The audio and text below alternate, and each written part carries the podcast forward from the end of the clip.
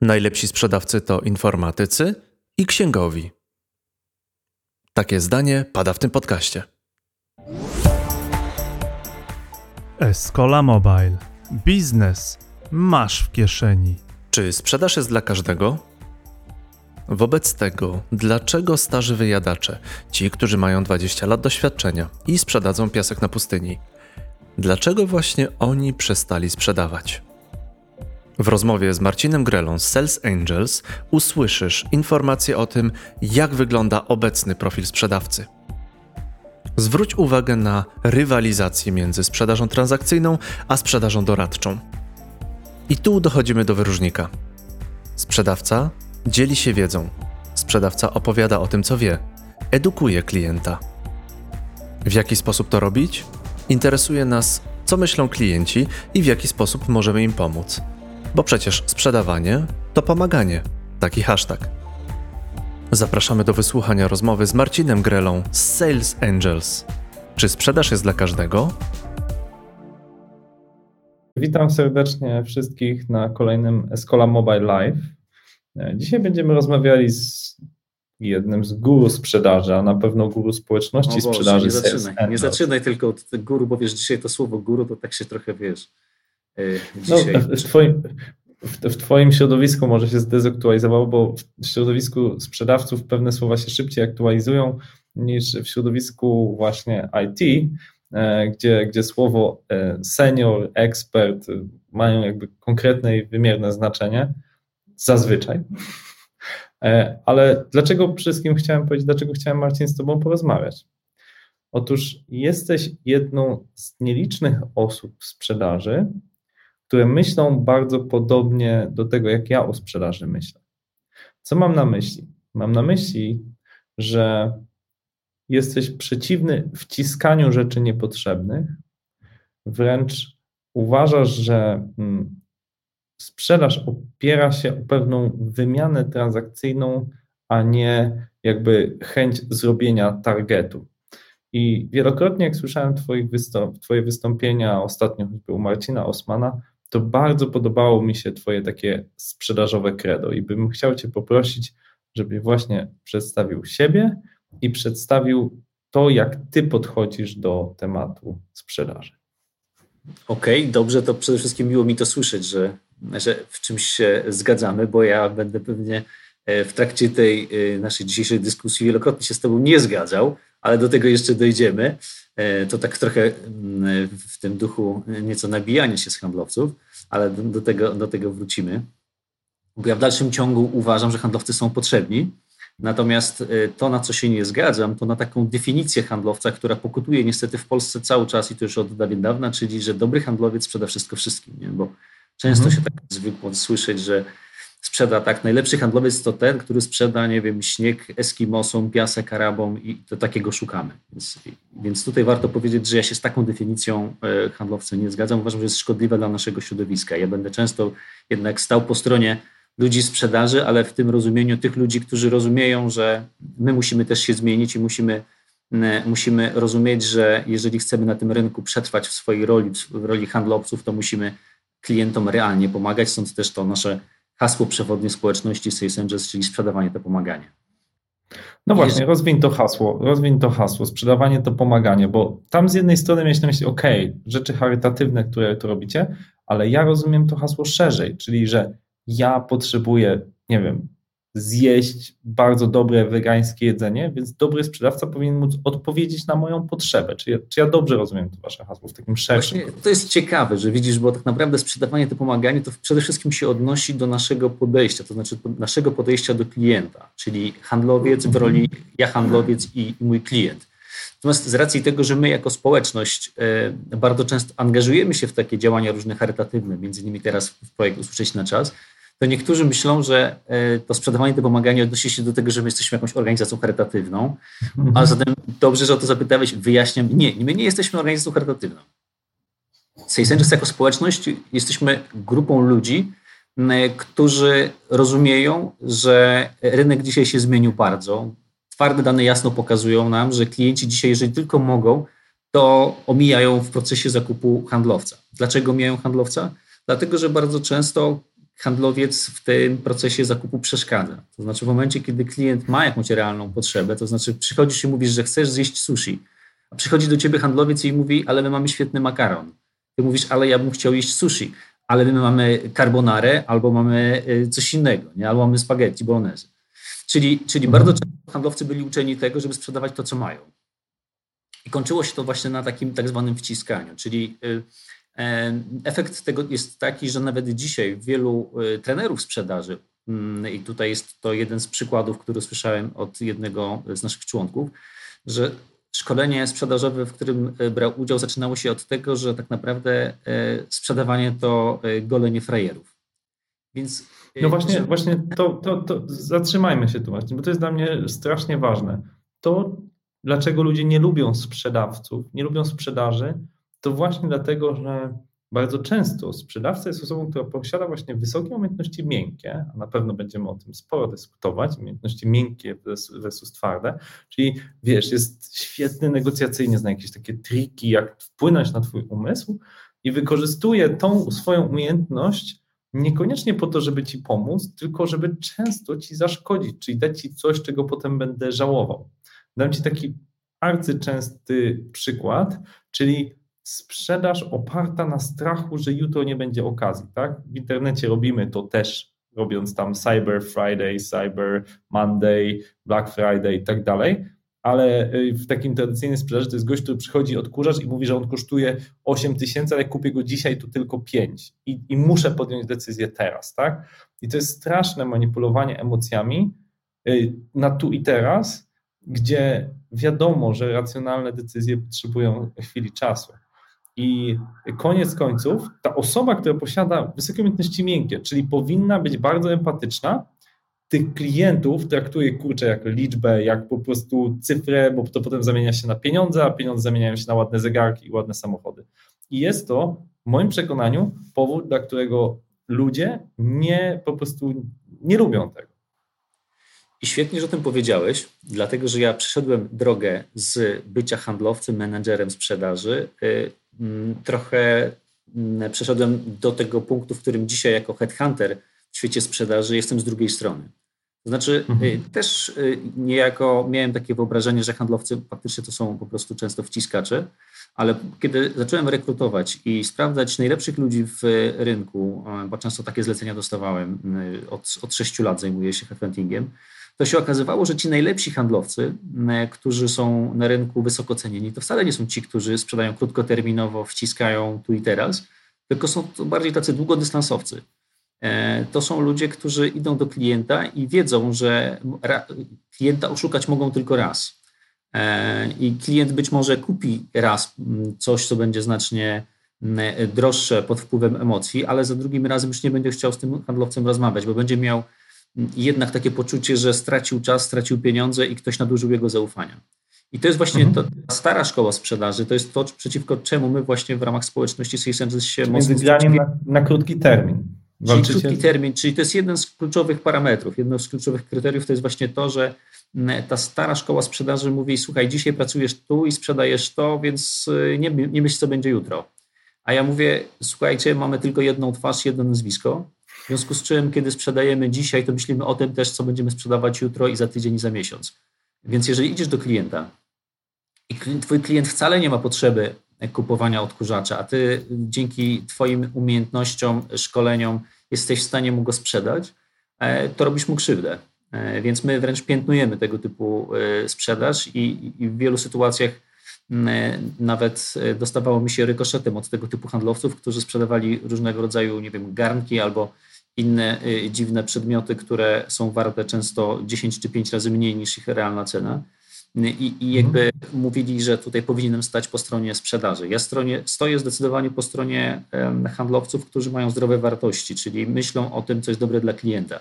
Jeżeli my podejdziemy tak w ten sposób, że idziemy i widzimy w rozmowie z klientem, zadając mu pytania, że to nie jest dla niego dobre, że on dzisiaj wcale nie potrzebuje najnowszego odkurzacza, bo ma jakiś odkurzacz całkiem niezły, to my nie mówimy, żeby kupował ten odkurzacz, e, tylko idziemy do następnego klienta. Wiem, że to brzmi idealistycznie, tylko że ja to mówię z perspektywy jednak człowieka, który sprzedażą zajmuje się dzisiaj jest to idealistyczne, co mówisz, szczególnie w zakresie jednego nazwiska. Czy znasz, czy mówić coś nazwisko Marcin Stefański? Nie. A, ale na pewno mówić coś nazwisko Marcin Plichta, kojarzony z Ambergold. Tak, zdecydowanie. To jest, to jest dowód na to, że nie jedno ma się nazwisko, tylko on właśnie nazwisko zmienił po to, żeby mógł kontynuować swój proceder. To ja zawsze Ty mówię tak o to prosto tego anegdotę. podszedłeś, a ja po prostu... Jak się mówi, że, że ci najgorsi sprzedawcy to nawet już nie mają jednego nazwiska, tylko zmieniają je, bo już tam to jest zepsute. To jest, to jest, to jest jakby taki wyrazisty przykład, jak ludzie sobie zepsuli reputację tak bardzo, że musieli zmienić nazwisko, a i tak na tym nowym naoszukiwali ludzi, nie? No widzisz, ale na dłuższą metę zwróć uwagę, jak kończą. Może ja jednak jestem, da- dałeś ten przykład i trochę być może jestem idealistą w tym wszystkim, ale mija 20 lat, odkąd swój pierwszy telefon em, sobie kupiłem z tym samym numerem. I czasem do mnie dzwonią klienci, wiesz, bo ja opuściłem branżę finansową między innymi dlatego, że uznałem, że większość produktów, które klientom sprzedawałem, nie przynosiły m, takich e, zysków i takich korzyści, jakie, m, e, jakie często obiecywaliśmy, sprzedając fundusze inwestycyjne. Więc doszedłem do wniosku, że, że jeżeli nie jestem w stanie znaleźć takich produktów w tej branży, które, e, które faktycznie będą służyć klientom, no to lepiej zmienić branżę. Więc, więc żeby nie było, to, to jestem w tym dosyć e, spójny.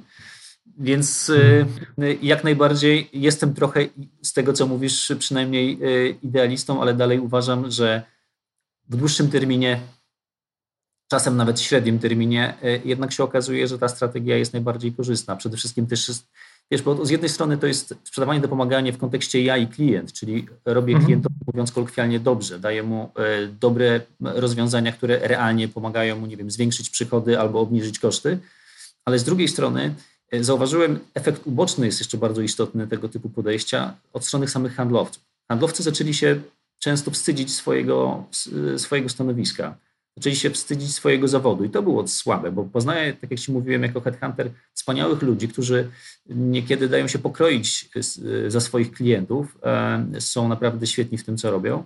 I kiedy zapytasz, ale czym się zajmujesz, to niektórzy wstydzą się bycia handlowcami, właśnie przez tego typu historie. A kiedy my pokazujemy pozytywne przykłady z jednej strony ludzi, którzy sprzedając uczciwie, pomagając klientom, odnoszą sukcesy, też pokazujemy, że praca w sprzedaży może być super. I, i dlatego to sprzedawanie, to pomaganie ma ten, mm, ma ten też taki impact pozytywny na ludzi sprzedaży, że nagle widzimy, że w dłuższym terminie opłaca się robić to w taki sposób i też się nie opłaca tym, którzy robią to w sposób nieuczciwy, bo później jednak ten plichta siedzi za kratkami. Więc to jest dowód na to, że jednak mamy rację. Okej, to bo mówisz dużo o, o, o zaufaniu jako walucie społecznej. O tym koncepcie pisał dużo e, Michał Szafrański. A właśnie mi się wydaje, że jedną z takich grup zawodowych, które są najbardziej wiarygodne, są właśnie informatycy. Powiem Ci dlaczego. E, A, a na drugim miejscu prawdopodobnie księgowi. Powiem Ci dlaczego. Dlatego, że te osoby, mając stereotypowo, jak i jakby statystycznie dosyć niskie te umiejętności miękkie, mają też relatywnie niedużą umiejętność, mówiąc wprost, ściemniania i życia w dwóch rzeczywistościach, ponieważ są bardzo zero-jedynkowi. I jeżeli mówią, że dowiozą coś do 15, to, to oczywiście nie zawsze dowiozą, ale zrobią wszystko, żeby dowieść. I teraz podam Ci przykład tego, taki już bardzo naoczny, znany na pewno w, w branży sprzedażowej, że wszyscy teraz podziwiamy firmę Tesla, że oni tam sprzedają samochody, mają świetne wzrosty giełdowe, są bardzo innowacyjną firmą. Ale ta firma, jak poczytasz ich historię, to okazuje się, że przechodziła niemalże od kryzysu do kryzysu. I jednym z ich kryzysów, oczywiście jakby nieustannym kryzysem był kryzys pieniędzy, ponieważ musieli dużo inwestować, żeby rozwijać tą technologię. I był moment, kiedy Elon Musk poprosił swoich inżynierów, którzy budowali te samochody, że słuchajcie, mamy tak słaby cash flow, jesteśmy dosłownie dwa tygodnie od tego, że bankrutujemy, że jak teraz każdy z was, ludzi, którzy projektują te samochody, którzy zajmują się algorytmami, którzy projektują te baterie, nie zacznie po prostu dzwonić do swoich znajomych i powiem, kurczę, róbcie pre- przedpłatę na Tesla, to my po prostu bankrutujemy. I oni zrobili coś, czego nie udało się żadnemu sprzedawcy, który był wówczas w Tesli zatrudniony, a zakładamy, że byli tam też nieźli goście. I dla mnie to jest taki jeden z nielicznych znanych mi dowodów, ale jednak na to, że sprzedaż taka oparta o bardzo taką treściwą informację, bo ci inżynierowie mówili, słuchaj, weź tą Teslę, bo może my nie jesteśmy znani, dopiero zaczynamy, ale inżyniersko to jest, takie ma parametry, to naprawdę będzie dobre auto. My jako Escola też to stosujemy, to znaczy jeżeli kontaktujesz się u nas z szefową sprzedaży, to ona już umie zrobić ci wycenę jakby twojego projektu wstępną, tak, ma wiedzę informatyczną. E, I pytanie, czy uważasz, że właśnie trochę sprzedażą przyszłości jest sprzedaż ekspercka, gdzie właśnie nie handlowiec cię obsługuje, tylko ekspert? Przede wszystkim e, jestem daleki od wyciągania jakichś mocno daleko idących wniosków z takich jednostkowych przykładów. To, to pierwsza rzecz, dlatego że jednak jestem zwolennikiem badań naukowych i większych grup, bo tutaj mówimy o jakimś takim trochę case'ie. Możemy pewnie mhm. wybrać jakiś inny case przypadkowy i dopasować pod swoją tezę. Więc tutaj pierwsza rzecz, chciałeś tutaj swoją tezę trochę ja się opieram, ja, ja tego nie traktuję naukowo, ja opieram to o y, własne doświadczenie. Mhm. Okej, okay. Ja to rozumiem. Przy czym moje doświadczenie pokazuje, że masz tutaj połowicznie rację. To znaczy połowicznie dlatego, że prawdopodobnie ci ludzie w pierwszej kolejności wzięli, jak wzięli telefony, to zadzwonili do ludzi, których znają, którzy nie mhm. kupili od nich dlatego, że są świetnymi właśnie, że świetnie to zrobili, tylko kupili od nich dlatego, że chcieli im prawdopodobnie pomóc kiedy ich o to prosili, bo do tej pory oni z reguły nie prosili, ale przede wszystkim dlatego, że mieli do nich zaufanie. Czyli znowu to potwierdza tą regułę sprzedawanie to pomaganie, czyli że w pierwszym kroku jednak musimy zbudować zaufanie. I w momencie, kiedy dzwonimy do ludzi, których znamy, to zaufanie już po prostu jest zbudowane. I to jest prawdopodobnie jeden z powodów, dla których oni kupili. Z drugiej strony zgadzam się też z Tobą co do tego, że wielu handlowców, którzy byli szkoleni, szczególnie tak zwani starzy wyjadacze, którzy byli szkoleni w latach 90., kiedy rynek zupełnie inaczej wyglądał, w większym stopniu e, tego typu osoby, tego typu handlowcy byli uczeni jednak e, perswazji, odpowiedniego gadania, mówiąc wprost, czyli jak się komunikować, jak po prostu często zagadać klienta przez co też znacznie mają obniżone umiejętności zadawania pytań, e, mhm. czasem takiego krytycznego myślenia, wyciągania wniosków, e, ale też takiego samego słuchania. E, I, i teraz dzisiejsi handlowcy w dużo większym stopniu jakby muszą zrozumieć, jaki problem ma klient i pod ten problem dopasować późniejsze rozwiązanie. Dlatego mhm. tutaj mogę się z Tobą zgodzić, że często inżynierowie, często właśnie osoby bardziej eksperckie Mm, są partnerami do dyskusji, nie wiem, załóżmy z przedsiębiorcami czy, czy z klientami wymagającymi, bo mają tą wiedzę. Więc w mhm. tym sensie można by powiedzieć, że, że faktycznie e, e, rozumiem, że to mogło być bardziej skuteczne, bo z jednej strony zaufanie, z drugiej strony też mogli odpowiadać wprost na pytania merytoryczne, e, bo to już nie są te czasy, kiedy, tak jak w przeszłości, handlowcy bardzo często, mówiąc wprost, nawijali jakiś makaron na uszy, a później, kiedy były pytania merytoryczne, to jakoś starali się je zbywać, bo dzisiaj klienci są mhm. coraz bardziej wyedukowani. Tak? Znaczy, zanim się kupisz jakiś samochód, to często wiesz więcej na temat tego samochodu niż ten doradca, którego spotkasz w salonie samochodowym, bo on na przykład musi się nauczyć kilkunastu modeli, tak? A ty mhm. y, będziesz mi wiedział wszystko o tym, o tym jednym. Dlatego tutaj ta wiedza ekspercka się przydaje. I, i, I, jak zazwyczaj to bywa, gdzieś yy, prawda leży po środku. To znaczy, z jednej strony yy, potrzebujemy umiejętności handlowych, ale takich nowoczesnych umiejętności w zakresie właśnie zadawania pytań pogłębionych, słuchania, rozumienia potrzeb, takiej empatii, ale z drugiej strony, jak już dopytamy, to później ta wiedza ekspercka też się przydaje. A, a znowu, niektórzy ci starzy wyjadacze trochę zaniedbują tą kwestię merytoryczną, wiedzę o samym produkcie, myśląc o tym, że tylko samą perswazją są w stanie kogoś przekonać do zakupu. No to jak tak, Marcin, debatujemy właśnie rolę umiejętności miękkich versus twardych, to moim zdaniem kamyczkiem do mojego ogródka umiejętności twardych jest pandemia. Dlatego, że ja rozumiem taką, taką rolę sprzedaży, że właśnie spotyka się człowiek e, na żywo, na konferencji, networkuje, gdzieś tam zagaduje, czy jeździ do firmy, żeby jakiś temat obgadać, no to wtedy faktycznie to, że on tam opowie jakieś ciekawe anegdoty, zawsze ma jakieś w rękawie, e, prawda, asy, takie, takich właśnie na przykład pytań takich, co handlowcy, co na przykład o tym sądzisz, czy to nie jest coś, co by ci się przydało, tak? Są takie jakieś triki sprzedażowe. Nie, nie znam się specjalnie na tym, ale zakładam, że jest, bo, bo sam e, byłem odbiorcą takich trików.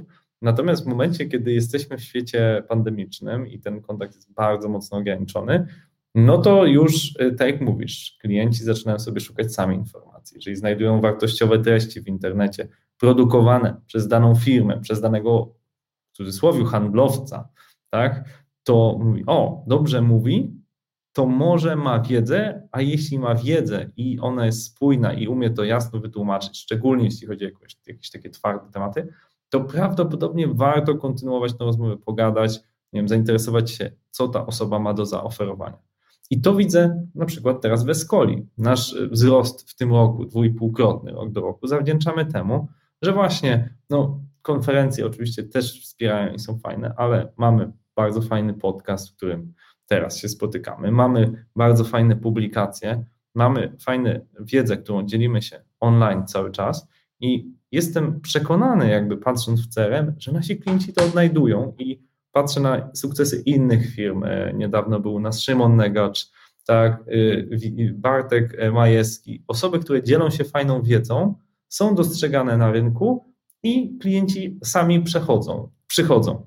I to jest taki e, model, który wydaje mi się coraz bardziej do niego idzie przynajmniej świat usług B2B w internecie. Ciekaw jestem, jak ty to widzisz. Czy też zauważysz takie zjawisko, czy może jest coś, czego ja nie dostrzegam, co jeszcze jest gdzieś, gdzieś tam z tyłu?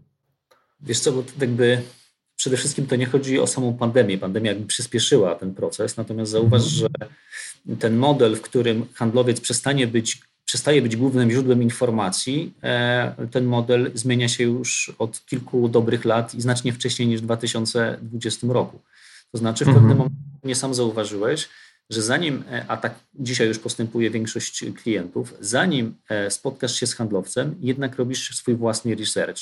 Jeżeli chcesz, wspomniałem wcześniej o samochodzie, jeżeli chcesz kupić samochód, to nie idziesz do salonu najczęściej, od razu już go nie kupujesz. Tak, znowu generalizuję, ale, ale jednak najczęściej tak się nie dzieje tylko wcześniej wchodzisz na stronę, czytasz o modelu, wchodzisz na różne strony też branżowe, wchodzisz na YouTube'a, porównujesz sobie różne modele, różne marki i na tej podstawie gdzieś tam sobie wytypujesz trzy, załóżmy, takie samochody, które Ciebie interesują. Później dopiero przychodzisz do salonu i starasz się gdzieś tam przejechać jednym czy drugim autem.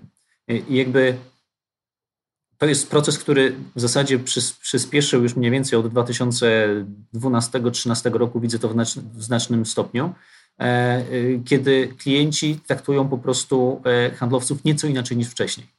Mhm. Bo 10 lat wcześniej było tak, że nie, nawet jak był już internet, to często brakowało informacji o danych produktach, o danych usługach na tyle zaawansowanych, że trzeba było się spotkać z, z handlowcem i handlowiec był taką trochę y, wiesz, no, źródłem informacji, czyli spotykałeś się z handlowcem, wyciągałeś od niego wszystko, co potrzebowałeś wiedzieć. E, mhm. Dzisiaj już tego nie ma, w związku, w związku z czym handlowiec po prostu jest trochę w innym miejscu w, e, w tym cyklu zakupowym klienta. Czyli nie, nie jest Ci potrzebny do tego, e, e, żebyś Ty zbierał informacje o danym produkcie czy usłudze, tylko w momencie, kiedy kupujesz coś po raz pierwszy, i tutaj jest to rozróżnienie na sprzedaż doradczą i sprzedaż transakcyjną, e, kiedy kupujesz coś po raz pierwszy, po prostu masz zbyt dużo informacji, potrzebujesz handlowca, żeby ci trochę podpowiedział, doradził, żeby tutaj był tym mhm. ekspertem, który ci powie: OK, słuchaj, to w takim razie, bo ja mam dalej te trzy samochody, wiem o nich wszystko, ale nie wiem, który będzie dla mnie najlepszy. Wtedy mhm. przyjdzie który ci powie, ale słuchaj Krzysiek, ale do czego ci ten samochód? Gdzie będziesz go używać? Czy będziesz nim jeździć w góry, bo lubisz chodzić po górach?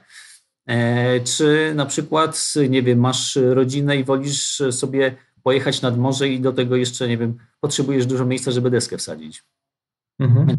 Po, poprzez tego typu pytania dochodzisz do wniosku, że albo inaczej handlowiec poprzez tego typu pytania zaczyna ci uświadamiać, e, czego ty chcesz, a czego nie chcesz, czyli pełni zupełnie inną rolę. I teraz dlatego właśnie tutaj mówię o tym rozróżnieniu na sprzedaż doradczą i sprzedaż transakcyjną. No I tutaj może warto mhm. wyjaśnić, że ze sprzedażą transakcyjną mamy do czynienia wtedy, kiedy dany zakup e, wykonujemy cyklicznie, czyli załóżmy, nie wiem, weźmy znowu, patrzę sobie na kartkę obok mnie leżącą, jeżeli kupujesz papier do drukarki do swojej firmy i kupujesz po raz dwudziesty, czy ty potrzebujesz handlowca, żeby ci wyjaśnił, jaki ty papier będziesz najlepiej, najlepiej u siebie potrzebował?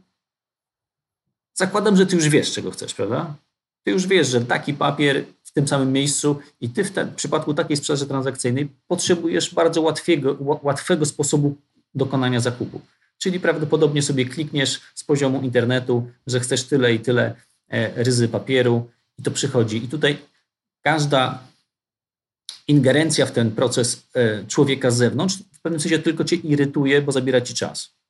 Ale jeżeli mhm. E, załóżmy drukarka ci się zepsuła, jest już, nie wiem, jakaś starego modelu i chciałbyś kupić nową, a ostatni zakup dokonywałeś, nie wiem, kupowałeś drukarkę 15 lat temu, nie masz o tym większego pojęcia i zaczynasz czytać w internecie i szukasz i się okazuje, że po...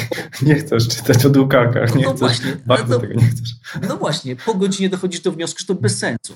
I nagle się pojawia tutaj właśnie moment, gdzie powinien się pojawić powiedz, który ci pomoże wyjaśnić, w zależności od tego, jak dużo drukujesz, e, do czego, e, jak, jaka w ogóle, jak, jakie funkcje są dla ciebie istotne, to się pojawia handlowiec, który będzie znowu dla ciebie bardziej doradcą niż kimś, kto tak jak wcześniej był takim bardziej podawaczem. Czyli koniec mhm. jest bliski handlowców w tej sprzedaży transakcyjnej, czyli ja to nazywam sprzedawców podawaczy. Mhm. Czyli chcesz, ktoś e, realizuje samo zamówienie ale w tej sprzedaży doradczej, kiedy jest dzisiaj taki przesyt informacji, potrzebujesz po prostu zderzyć sobie mm, mm, z czyjąś wiedzą ekspercką to, czego ty potrzebujesz, to tutaj zdecydowanie jest przestrzeń dla handlowców, tylko to są handlowcy zupełnie innego rodzaju niż ci, których często po prostu znamy. To, to, to dobra, to nazwijmy ich właśnie handl- sprzedawcy, doradcy, tak? handlowcy, eksperci. W jakim kierunku idzie właśnie ten, y, ten profil kompetencji? Ja powiem Ci, znowu odwołam się do swojego doświadczenia. Próbowaliśmy różnych zatrudniać sprzedawców w Escoli i powiem szczerze, że najlepiej radzą sobie osoby, które mają po prostu wykształcenie informatyczne albo wręcz jakieś doświadczenie w kodowaniu, które rozumieją, czego chce nasz klient, tak? E, albo osoby na przykład znudzone programowaniem już, tak, a właśnie takie, które chcą się zająć jakimiś takimi bardziej tematami nie stricte programistycznymi. I, e, I z kolei klienci są bardzo zadowoleni, bo dostają dość szybko. Moim zdaniem w sprzedaży B2B strasznie ważnym aspektem jest szybkość.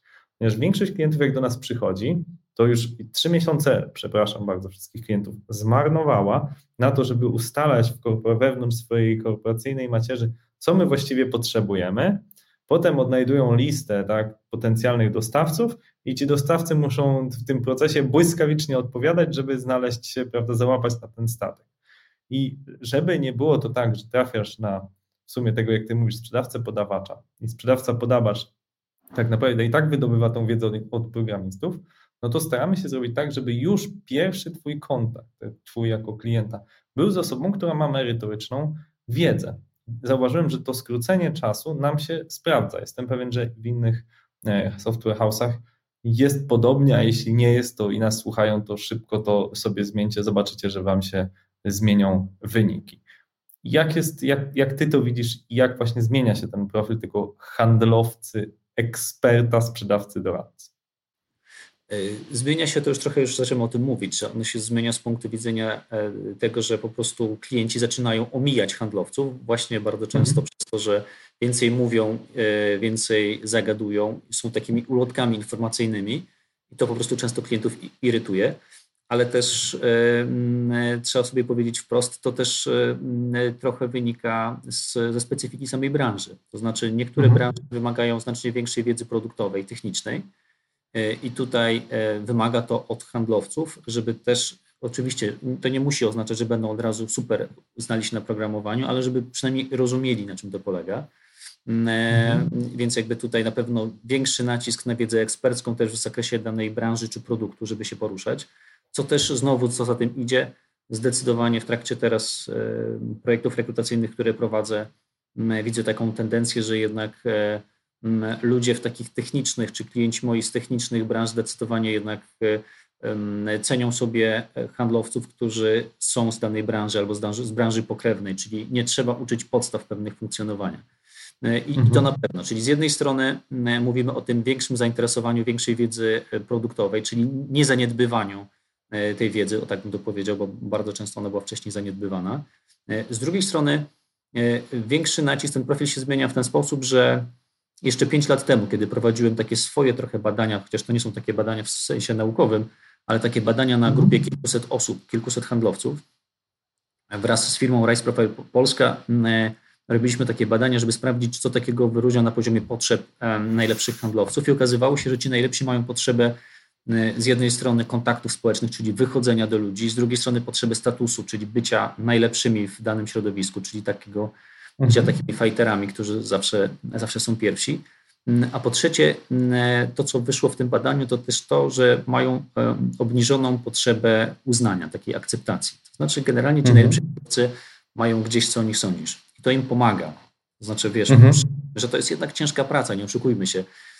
Nie każdy lubi usłyszeć y, częściej, że jesteś do niczego albo twój produkt jest słaby, y, niż słyszeć coś pozytywnego. Więc handlowcy, my, handlowcy, jesteśmy w takiej roli trochę niewdzięcznej, więc jakby ta obniżona mhm. potrzeba akceptacji ze strony otoczenia nam, e, nam pomaga.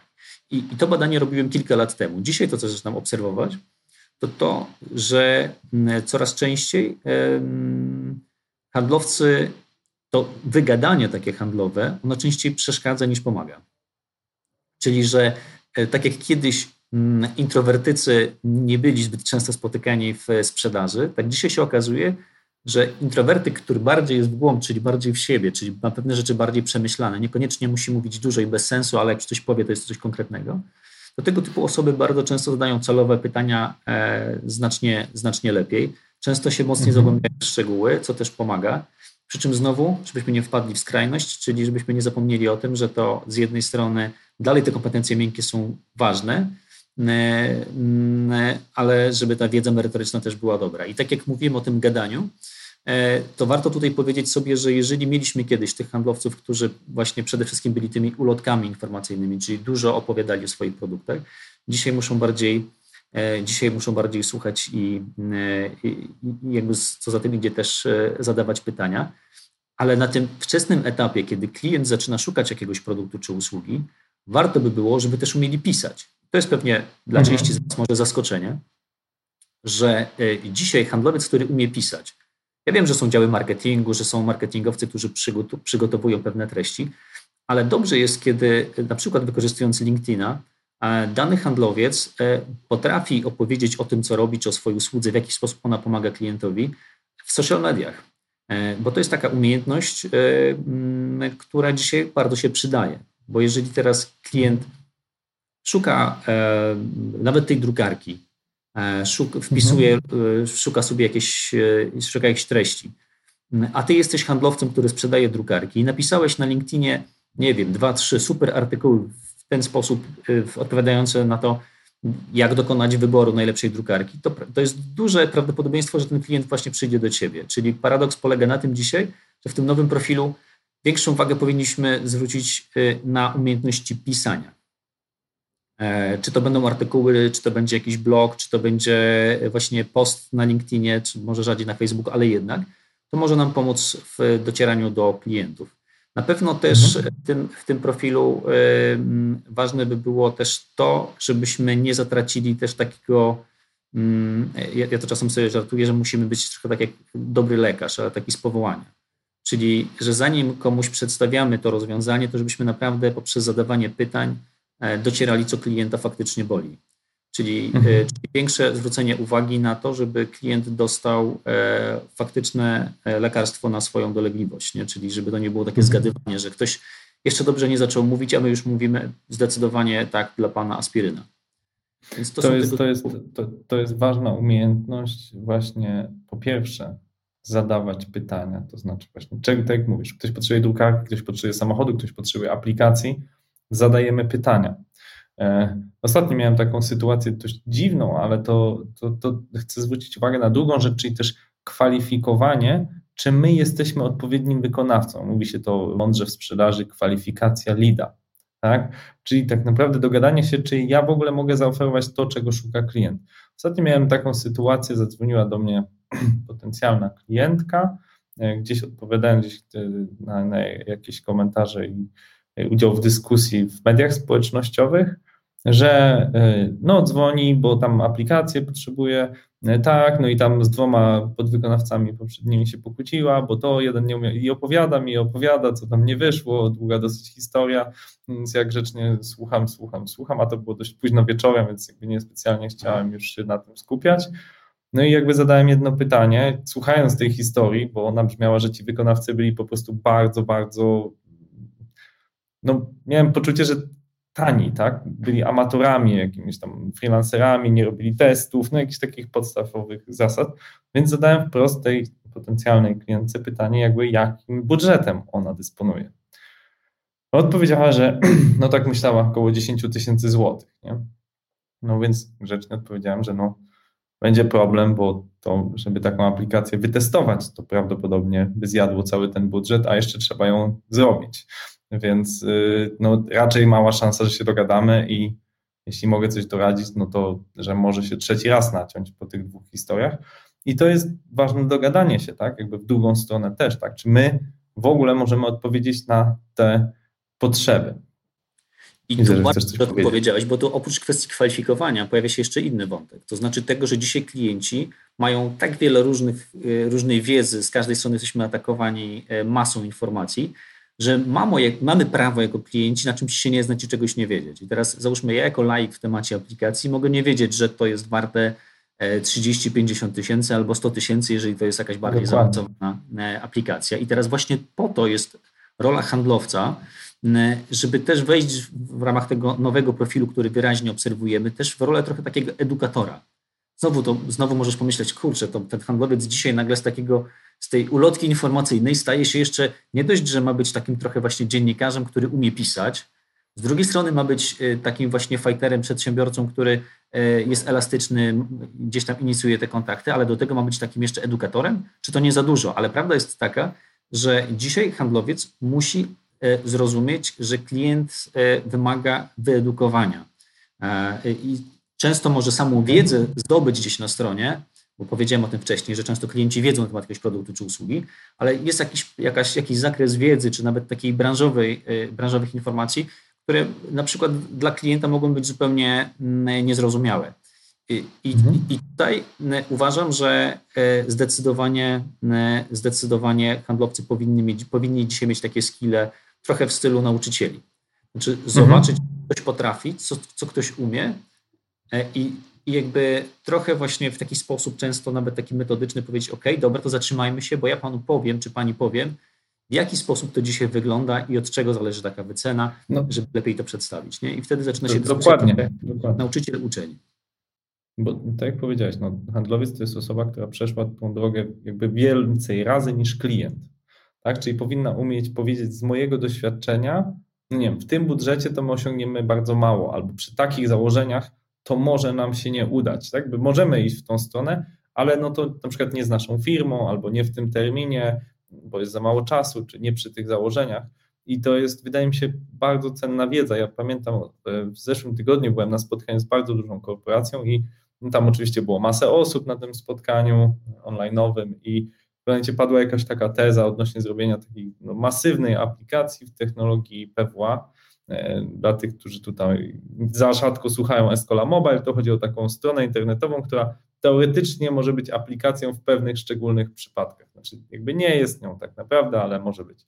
No i przyznam, że akurat jestem bardzo emocjonalny w tym temacie, bo, e, e, no bo bardzo wielu osób chcąc się jakoś tam wypromować, że to taka nowa technologia, że to pozwoli, no mówiąc wprost, no powiedziałem, naskoczyłem trochę na tego przedstawiciela tej korporacji, że no, jeżeli to będzie PWA, to po prostu to nie wyjdzie i to będzie, oni będą się za to wstydzić, jakby wytoczyłem działa krytyki, czym na pewno nie, przy, nie się tej osobie, ale za to widziałem, że szefowi już bardzo się spodobałem, bo uchroniłem go przed potężnym błędem, bo no jakby zrobiłem tych aplikacji ileś, naście czy kilkadziesiąt, w zeszłym roku, więc jakby mam pewne wyobrażenie, czym się skończy droga, którą on przeczytał no, w jakimś artykule na blogu, że PWA to jest fajna rzecz, jest taniej, jest e, nowocześnie, tak, więc się będzie fajnie.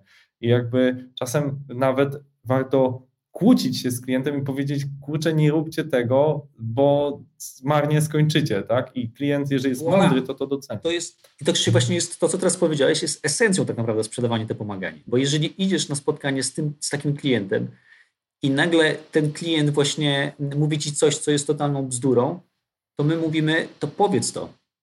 I tutaj mhm. to jest taki moment, że trzeba powiedzieć, nawet się narażając, trochę trzeba być, wejść w taką rolę trochę sparring partnera. Dlatego wielu handlowców tych starych wyjadaczy dzisiaj sobie nie radzi w sprzedaży, bo nie są do tego przyzwyczajeni. Nie, nie mają takich umiejętności, żeby nagle rozmawiać na bardziej na poziomie takim biznesowym, dając argumenty, dlaczego dana funkcjonalność nie jest dla Was, albo dlaczego taki język programowania czy cokolwiek innego, to, to, to nie, w, nie w tym przypadku. Nie? Więc, mhm. więc jakby tutaj trzeba też mieć taką pewną asertywność i powiedzieć wprost, ryzykując z drugiej strony jednak utratę klienta, bo trzeba sobie z tym, z, z, tym się liczyć. Ale sprzedawanie dopomaganie polega właśnie na tym, w takich konkretnych, praktycznych sytuacjach, że mówisz tak, jak faktycznie jest, a nie tak, żeby komuś zamydlić oczy i zarobić pieniądze, bo prawdopodobnie, gdybyś był tym handlowcem ze starej szkoły jeszcze, to ty byś sprzedał to rozwiązanie. Za pół roku ten klient przyszedłby do ciebie i powiedział, słuchaj, Krzysiek, ale to w ogóle nie funkcjonuje i nie działa. Co, co wy mi sprzedałeś? A ty byś powiedział, to my sprzedajmy, wie pan co, to my w takim razie mamy dla pana coś lepszego, bo to faktycznie to nie, nie, nie działa. A klient mówi, wiesz co, ale ja już u ciebie więcej nie chcę nic zamawiać. no tak, dokładnie. To jest bardzo trudna gra, bo może zamówił u ciebie i zarobisz więcej, tak? Bo dasz coś słabego, a potem sprzedasz coś lepszego. Ale bardzo często ktoś zapyta, jeżeli jest rozsądnym klientem, no dobrze, to czemu nie powiedzieć mi tego na początku? Czyli albo nie miałeś tej wiedzy, albo mnie oszukałeś, co gorsza. I jakby każdy z tych scenariuszy jest straszny, tak? Albo sprzedałeś mi, bo nie miałeś wiedzy, czyli jesteś tak naprawdę niekompetentny, albo mnie oszukałeś, no to jeszcze gorzej. Z punktu widzenia klienta nie ma to większego znaczenia, bo on i tak już później, mm. wiesz, już jest na nie. E, I, mm. i tutaj to, czy to będzie to naiwność, czy to będzie idealizm, ma to mniejsze znaczenie. Z mojego punktu widzenia jest to przede wszystkim zakładanie z góry, że mamy dobre intencje, i kiedy idziemy do klienta i rozmawiamy, to mamy do tego z jednej strony kompetencje, z drugiej strony mm, też właśnie odpowiednie takie podejście biznesowe, że gramy do jednej bramki. Y, mhm. Może, możesz to nazywać idealizmem, albo możesz to nazywać właśnie taką nawet, nawet naiwnością biznesową, ale u mnie i wielu, u wielu członków naszej społeczności to się sprawdza. Sprawdza się na dłuższą metę tego typu właśnie podejście. Mówimy klientowi, słuchaj, to nie jest dla ciebie dobre rozwiązanie, dlatego bo dajemy argumenty. I tutaj pojawia się ten, ta różnica między byciem e, handlowcem, który ma skille miękkie wyższe e, niż e, księgowego czy programisty, który w momencie, kiedy jeszcze rozmawia o produkcie sobie radzi, ale kiedy wchodzimy w taką rozmowę, gdzie trzeba być asertywnym, podać pewne też argumenty, zadać pytania, to tutaj jednak przewagę mają ludzie. No tu się nie zgadzam, ponieważ właśnie przynajmniej programiści Escola, przez to, że są zero-jedynkowi często, jak słyszą coś, co zgrzyta z ich światopoglądem czy wyobrażeniem technologicznym, jak ten produkt ma wyglądać, to zapewniam Cię, że są bardzo asertywni, bardziej nawet niż handlowcy, którzy powiedzą, no wprawdzie można byłoby to zrobić, ale tu trzeba by rozważyć różne wersje, no to taki odpowiedzią programisty byłoby raczej, nie no tego nie da się zrobić. Pytanie, w jaki sposób to zrobią, bo ja znam wiele przykładów też klientów, tak. którzy mówią, to... oni się znają na robocie, ale to są takie buraki, że my, teraz nie mówię oczywiście o was, żeby było jasne, no, ale spotykam się z takimi sytuacjami, że, że, że, ktoś, że ktoś mówi, słuchaj, może oni się znają na robocie, ale ja z nimi nie chcę współpracować, to są po prostu gbury, buraki, aroganci.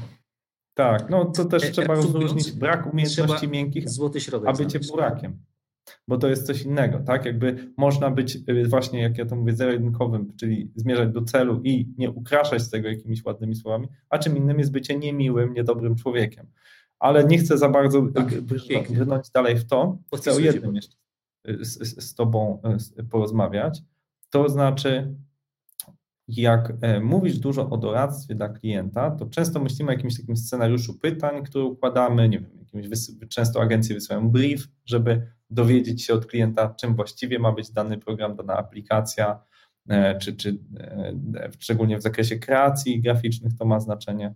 Organizuje się różne warsztaty, ale coś, co moim zdaniem warto, żeby osoby, które nas słuchają, jeszcze zwróciły uwagę, to jest słuchanie w ogóle pytań, jakie klienci zadają.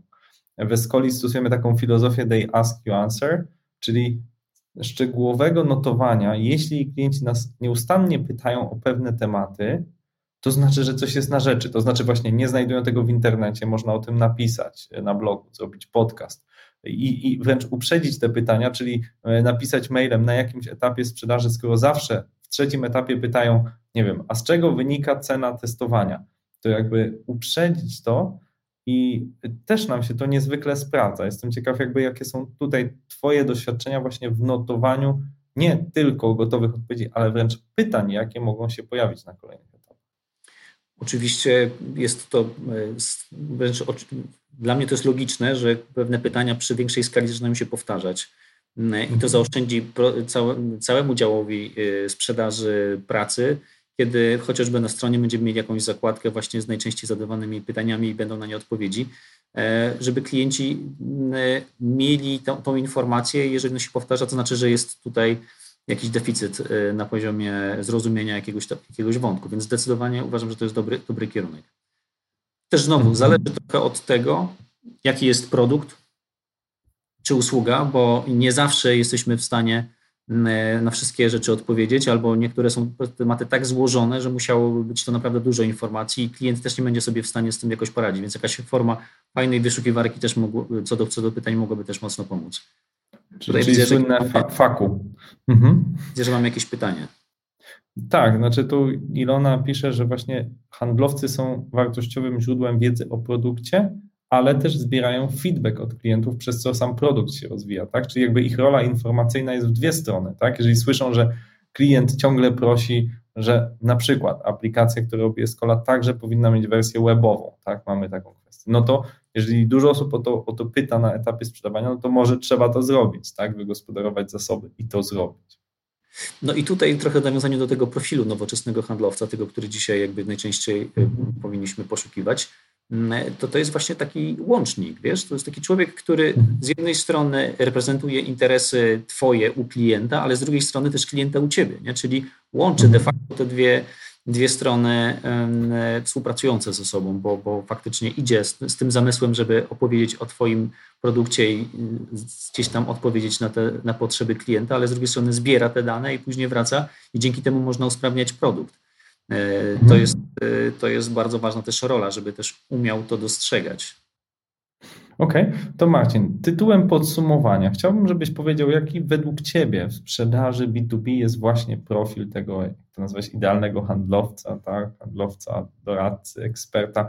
Jakbyś mógł to podsumować, bo to będzie duża wskazówka dla osób, które się z jednej strony zajmują sprzedażą, ale też układają działy sprzedaży, jakby na co naprawdę zwrócić uwagę w roku 2021.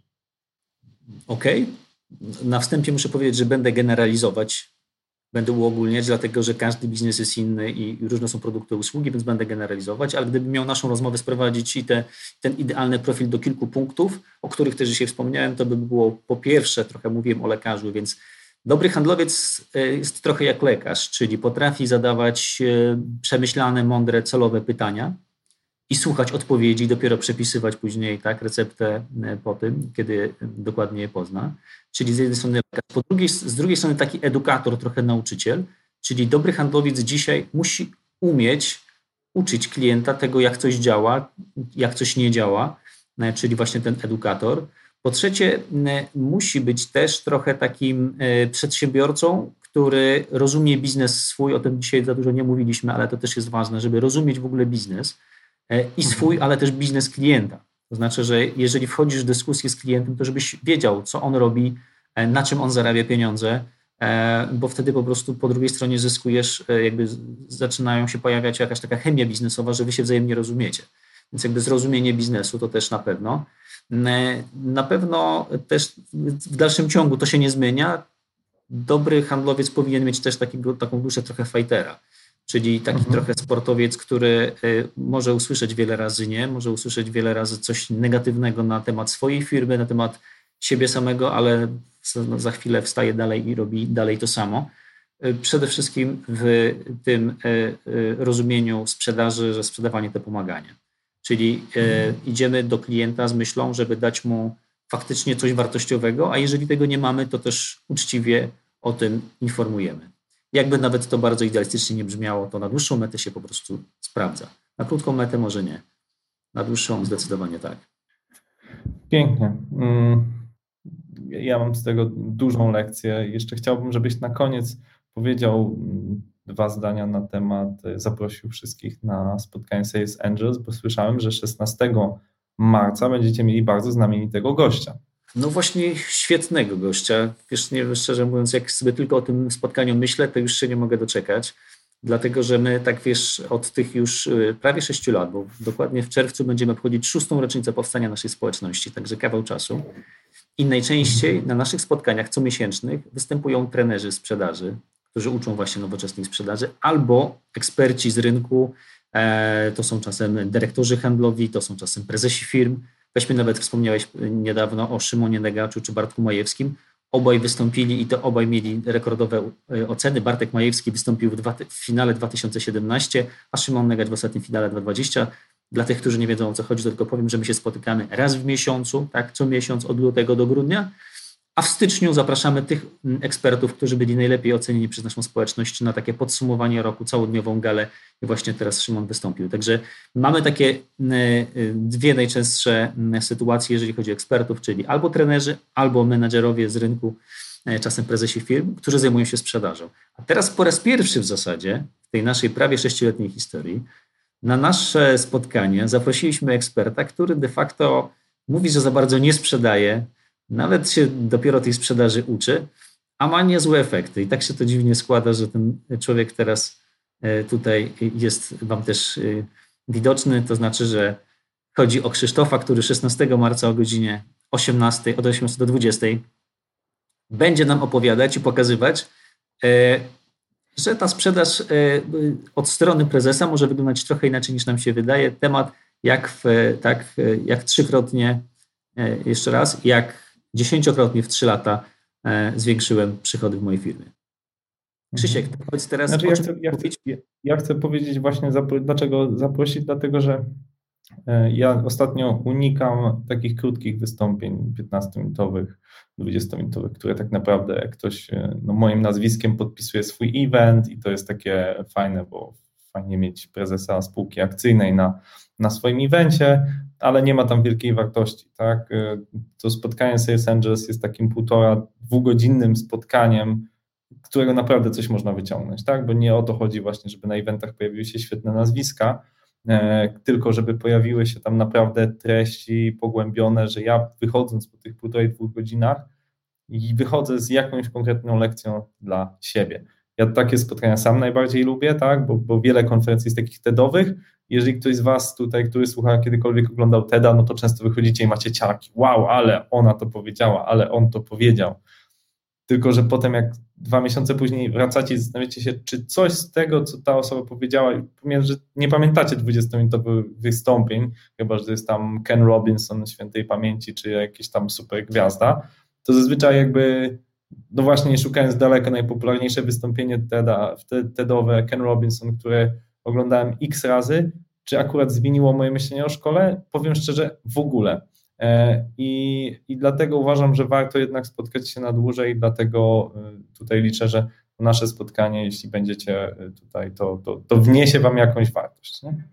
Ja oczywiście zapraszam i chciałbym tutaj dorzucić jeszcze swoje dwa grosze od strony organizatora, to znaczy Moją rolą jest y, cały czas tak naprawdę monitorowanie rynku i selekcja, y, y, bo przekonałem się już wielokrotnie, że na polskim rynku jest wielu fantastycznych menedżerów, dyrektorów handlowych, prezesów firm, którzy mają niesamowitą wiedzę. Często po prostu są wyjątkowo unikalni w tym, co robią, są, robią to wyjątkowo skutecznie, tylko są niemedialni. To znaczy nikt ich jeszcze nie wziął, czasem po prostu nie, nie w ogóle nie, nie mają takiej potrzeby, żeby, żeby być popularnymi.